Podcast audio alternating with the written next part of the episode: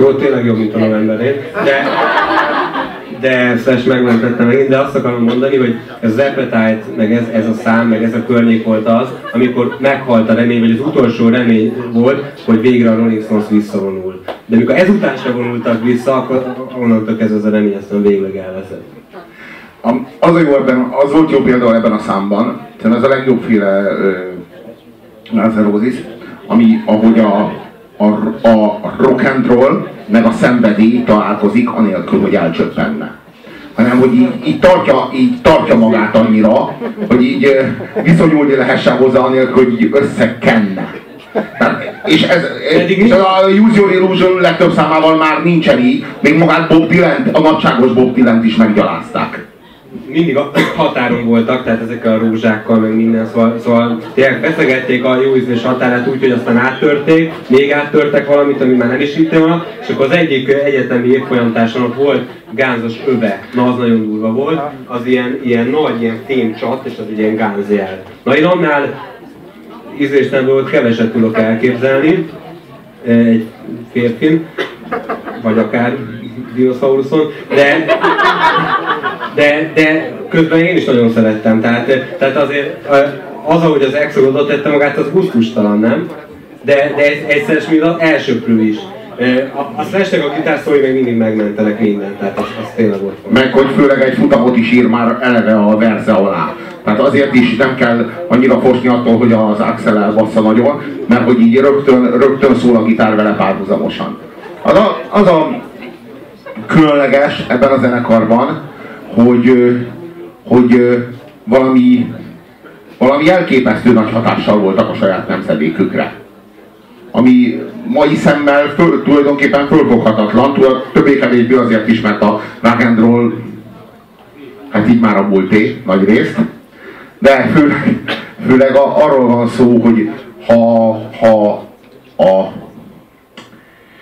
ha a 90-es éveknek meg kell nevezni a zenekarát, akkor az valószínűleg a Prodigy. De ha a 90-es éveknek meg kell nevezni a legnagyobb hatású zenekarát, akkor az alig hanem a Guns N' Roses. És, Biztos nem a Prodigy egyébként. Álmokfutók esetleg. Az álmokfutók... Jó, most magyarokról nincs szó, tehát most csak a nemzetközi piacon vagyok. Tehát, Kár ezt belekeverni. Azt, azt az a kuzsú, a kuzsú az mindent összezavar maga körül, tehát hogy hirtelen az ére ugrik meg. De dolgokra azt, az Appetite az 87-es, a Use Illusion az meg 91-es talán, tehát, tehát egyébként ez még nagyon szorosan kapcsolódik a 80-as évekhez, mert a, a Prodigy az nagyon 90-es évek, de a, a, a, ez, ez a zene teljesen a 80-as években gyökerezik. Ez egyébként, ez egyébként az, az az érdekes, hogy a 90-es évekre úgy nyomta rá a bélyegét, hogy tulajdonképpen annyira, annyira, annyira korán jött és annyira nagy hatással. Ez tényleg, tényleg nagyon érdekes. Gyakorlatilag a 90-es évek a következővel telt Magyarországon, talán világszerte. Mikor jön a Gánz Magyarországra? Illetve mikor ad ki mégis a Guns újabb albumot, és tényleg a slash együtt nem állnak-e még egyszer össze. De és aztán az volt a kérdés, hogy mikor jön a Guns úgy Magyarországra, hogy nem esik. Konkrétan, konkrétan 2008-ig sikerült ezt húzni, amikor már az utolsó 7-9 évben már senki nem is érdeklődött iránta, de, de az, ugye megjelent még 2008-ban egy, egy Guns album, ami már csak az Exodus tagja az eredeti felállásból, de azt is 2006-ban bejelentették, hogy most megjelenik, és utána még két évig jelent meg folyamatosan. Mert az Axel Rose az megvásárolta már annak idején a névhez fűződő jogokat.